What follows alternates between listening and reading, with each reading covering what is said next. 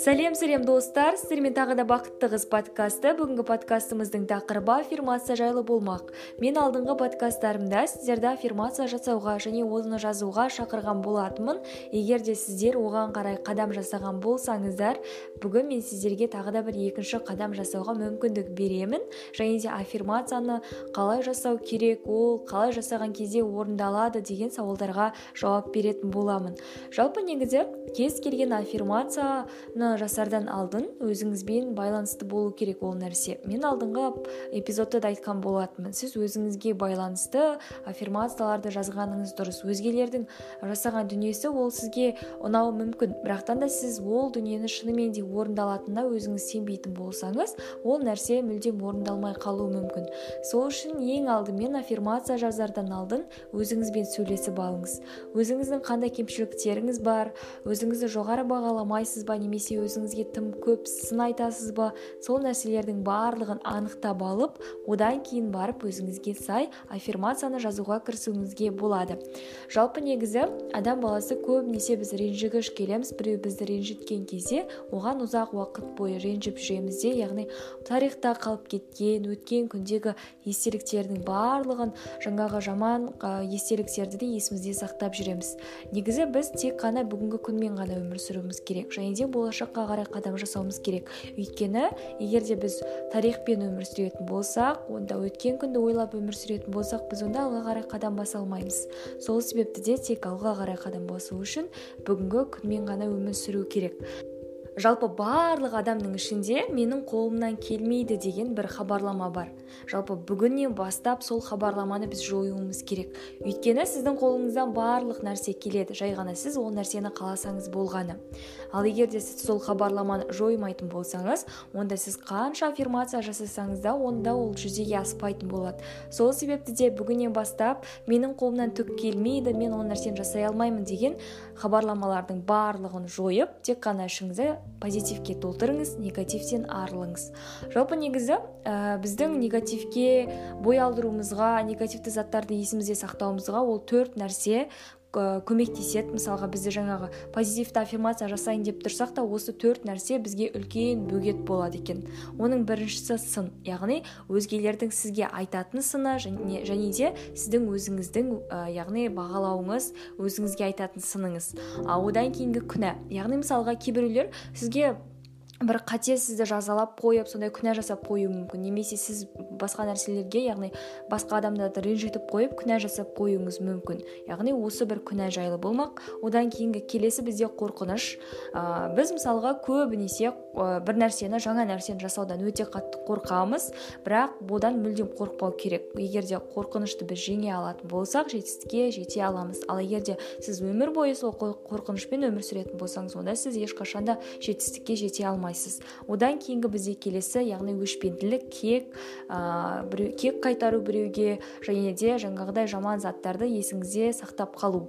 Ә, егер де сіз ол заттардың барлығын есіңізде сақтайтын болсаңыз онда сізде ол болашақта зиянын тигізуі мүмкін. Жалпы негізі кез келген мәселе ол өзіңізді жақсы көрмеуден туындайды екен. Мысалға сіз өзіңізді жақсы көрмейтін болсаңыз сізді біреу сынайды иә? Сол кезде сіз ә, жаңағыдай жаңағы адамның көзімен қарайсыз да өзіңізді мүлдем одан бетер жақсы көрмей кетуіңіз мүмкін. Немесе өзіңізге өзіңіз сын айтқан кезде де сіз өзіңізді жақсы көрмейтін болсаңыз онда өзіңізді асыра сілтеп өзіңізді өте төмен дәрежедегі адамдар қатарына қосып жіберуіңіз мүмкін. Сол үшін де ең алдымен бірінші кезекте біз өзімізді өзіміз жақсы көруіміз керек. Өзімізді жақсы көрген кезде ғана бізді өзгелер жақсы көре алады. Және де біз оларға алдыңғы подкастымда айтқанымдай мейірім тарататын боламыз мейірім беретін боламыз. Сол арқылы ғана біз өзіміздегі проблемаларды мәселелердің барлығын шеше аламыз. Мысалға егер сізге біреу кедергі болатын болса негізі бізге негізі ешкім де кедергі емес. Бізге ата анамыз да кедергі емес туыстарымыз жақындарымыз ешкім де бізге бір нәрсе жасауымызға кедергі бола алмайды. Кедергі ол біздің ішімізде жатыр. Біз өзіміз бір мысалға кәсіппен айналысқымыз келеді немесе басқа бір жұмыс орнына ауысқымыз келеді бірақтан да ауыса алмаймыз. Өйткені біз ол нәрседен қорқамыз. Ішіміздегі бір жаңағы бір кедергі бар ол бізге үнемі бөгет жасап отырады. Сол үшін де адам баласы ең алдымен өзіндегі бөгеттерден арылып өз өзімен күресе білу керек. Егер де ол өзін жеңетін болса онда өзгелерді жеңе алады. Ал егер де сіз өзіңізді жеңе алмайтын болсаңыз өзіңіздің қорқынышыңызға жеңіліп қалатын болсаңыз онда сізден мүлдем жақсы адам шықпайды сізден жетістікке жеткен адам шықпайды. Жалпы негізі өмір ол қандай қалпында болса да біз оны қабылдай алуымыз керек. Егер де сіз өзіңізді жақсы көре алсаңыз және өзіңіздің қабілеттеріңізді бағалай алсаңыз онда сіз өмірден мүлдем қорықпайсыз. Өмірді қайта үлкен мүмкіндіктер бір топтамасы деп білесіз. Жалпы адам баласына өмірде өте көп мүмкіндіктер беріледі. Олардың барлығын пайдалану немесе дұрыс пайдаланбау мүлдем ол нәрседен бас тарту барлығы да өзіңізге байланысты. Жалпы негізі біздің сезімдеріміз олар оймен іс әрекетімізге алып келеді екен. Сол себепті де біз өзіміздің жаңағыдай сезімдерімізді дұрыстауымыз керек. Сонда ғана біздің ойлау жүйеміз де дұрысталатын болады. Ал егер де сіз мысалға жаңағыдай қорқынышыңызға бой алдырып өзіңіз қорқып мысалы бастықты көрген кезде оның алдында қобалжып сондай қорқынышқа бой алдырып өзіңіздің сезімдеріңізді ә, яғни басқара алмайтын болсаңыз онда сіздің іс әрекетіңіз де дұрыс болмайды. Яғни сіз мысалы бастығыңыздан қорқасыз оның алдында өте қатты қобалжып тұрасыз соның әсерінен сіз жұмысыңызды дұрыс атқармай қоюыңыз мүмкін. Немесе сіз ойша басқа бір дүниелерді ойлайсыз да қазір мен осы бастықтың алдында менің жасаған есебім дұрыс болмай қалса не болады деген секілді заттарды ойлайсыз. Сонымен шынымен де сіздің жаңағы есебіңіз дұрыс болмай бастықтан сөз естіп қалуыңыз мүмкін. Сол үшін де біз ең алдымен сезімдерімізді дұрыстауымыз керек. Сезімдеріміз біздің ойға жетелейді а, ал біздің ойлаған заттарымыз сила воля дейді ғой. Яғни өзіміздің ойлаған заттарымыз олар орындалуы мүмкін. Олар біздің іс әрекетімізге бағыттайды. Ә, егер де біз өзіміздің өмірімізді жақсы көретін болсақ онда өзгелерге мүлдем шағым айтпайды екенбіз. Негізі қазіргі адамдардың көбісі өздерінің өмірдеріне яғни өмірлеріне көңілдері толмайды үнемі біреулерге шағым айтып жүреді. Бірақтан да біз өз өмірімізді жақсы көретін болсақ онда әрқашан да біздің өміріміз өте керемет болып көрінуі мүмкін. Негізі өмірде бақытты адам болмайды. Бақытты сәттер ғана болады. Яғни біз сол бақытты сәттерге қанағат етіп өзіміздің өмірімізді жақсы көретін болсаңыз болсақ онда бізден бақытты адам болмайды. Ал егер де біз шағым айтатын болсақ онда өте көп шағымдар айта беруімізге болады. Мысалға кейбіреулер бар ә, пәтерде өмір сүретін яғни он, бе, он немесе бес этажды пәтерде өмір сүріп мен неге жер үйде өмір сүрмеймін? деп шағым айтуы мүмкін. Ал егер де басқа біреулер жер үйде өмір сүріп олар неге мен пәтерде өмір сүрмейді екенмін? деген секілді әртүрлі шағымдар айтуына болады. Жай ғана ол шағымдарды болдырмау үшін сіз өз өміріңізді жақсы көруіңіз керек. Және де өзіңізді қабылдай алуыңыз қажет. Маған осыдан бірнеше күн алдын бір досым хабарласып өзінің дауысы түрі өзіне ұнамайтынын айтқан болатын. Жалпы негізі адамдар көбінесе өз өзінің сырт келбетін қабылдай алмай жатады. Барлығымызға да мысалға бірдей болмаса да барлығымызға әдемі келбет әдемі дауыс берген әркімнің дауысы ол өзгеше. Әркімнің дауысы өзгеше оның түрі өзгеше оның дене бітімі өзгеше. Және де барлығымыз да сұлумыз сол себепті де біз өзімізді қабылдай алуымыз керек. Мысалға кейбіреулердің дауысы дөрекі болып естілуі мүмкін бірақтан да олардың дауыстарында да бір әдемі күш болады. Ал кейбіреулердің дене бітімі әдемі болуы мүмкін ал кейбіреулердің сырт келбеті әдемі болуы мүмкін. Сондай әркімнің өзіне жараса артықшылықтары болады сол себепті де әрдайым өзіңізді қабылдап үйреніңіз. Сіз қалай барсыз солай өзіңізді қабылдаңыз. Яғни сізді мысалға мен мына біреудің дауысы өте әдемі екен мен де сол сияқты даусымды әдемі еткім келеді деп айтудың қажеті жоқ. Оған еліктеудің қажеті жоқ. Сіз ол емессіз. Яғни сіз жеке тұлғасыз. Сіздің өзіңіздің жеке стиліңіз бар сіздің жеке дауысыңыз бар сіздің жеке дене бітіміңіз бар. Басқаларға ұқсауға тырыспаңыз әрқашанда дара болыңыз.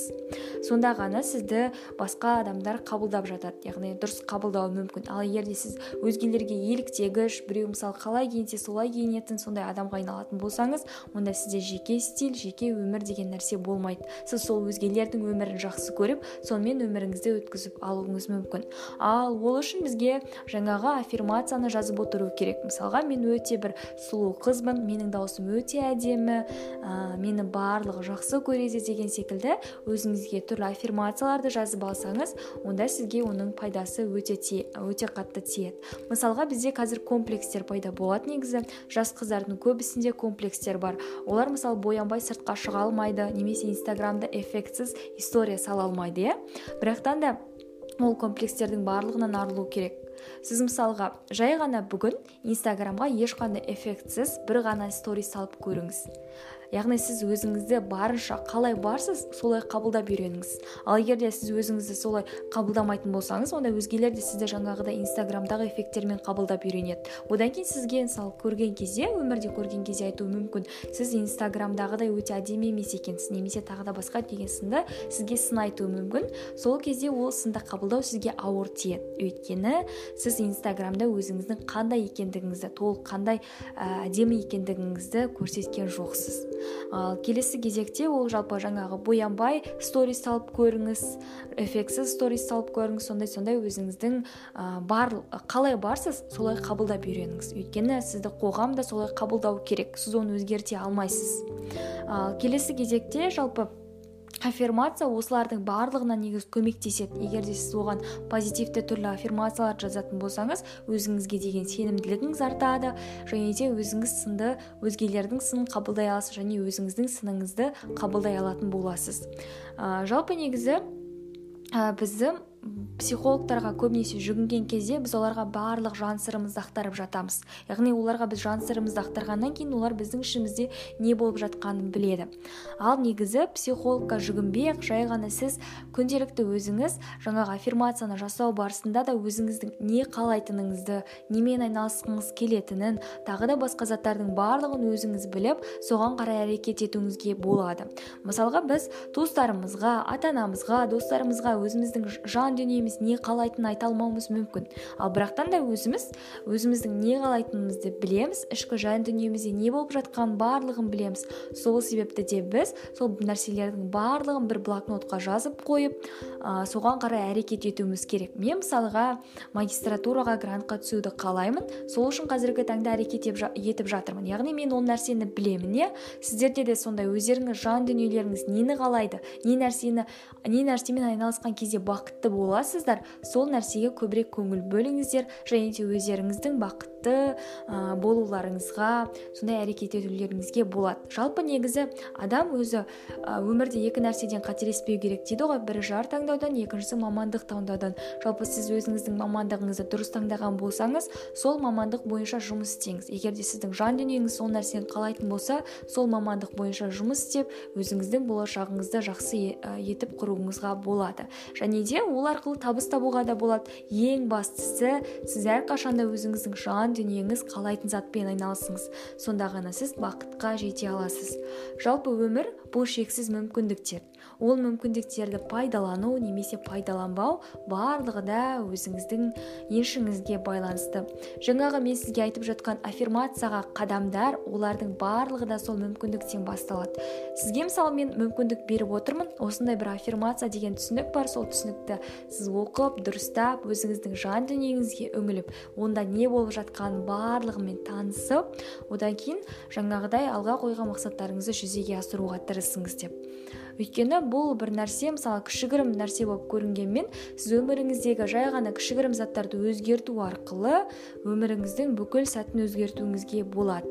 Және де бұның барлығы да сіздің ғана қолыңызда екенін ұмытпаңыз. Жалпы келесі кезекте мен өзімнің өмірімнен бір мысал келтірейін. Мен негізі карантин болған кезде өте қатты жыладым. Яғни мен не істеймін қайда барамын деген секілді менде өте қатты қорқыныш болды. Солайша ауылға келдім ауылда бір ай бойы болдым. Ә, дегенмен де менде кейін мынандай бір түсінік пайда болды. Яғни сенде бір есік жабылатын болса әрқашанда сенде екінші есік бар үшінші есік бар. Яғни сол сол есіктердің бірін қағуыңа болады.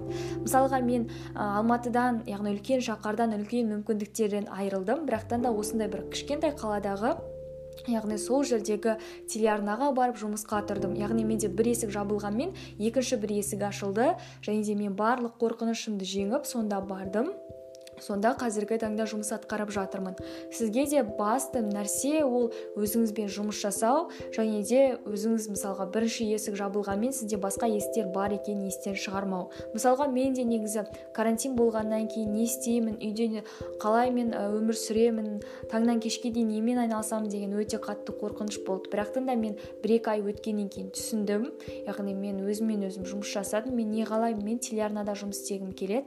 Мен ол үшін қайда баруым керек деген секілді сұрақ қойдым өзіме. Және де өзіміздің сол кішігірім қалашықтағы телеарнаға барып сонда практикадан өттім. Қазіргі таңда сонда жұмыс жасап жатырмын. Сіздерге де айтарым жалпы өздеріңізбен жұмыс жасаңыздар. Өздеріңізбен жұмыс жасап өздеріңіздің не қалайтындықтарыңызды барлығын ұғынып содан кейін барып сол нәрселерді жүзеге асыруға тырысыңыздар. Сіздермен бірге болған гүлмира қошаева бұл бақытты қыз подкасты.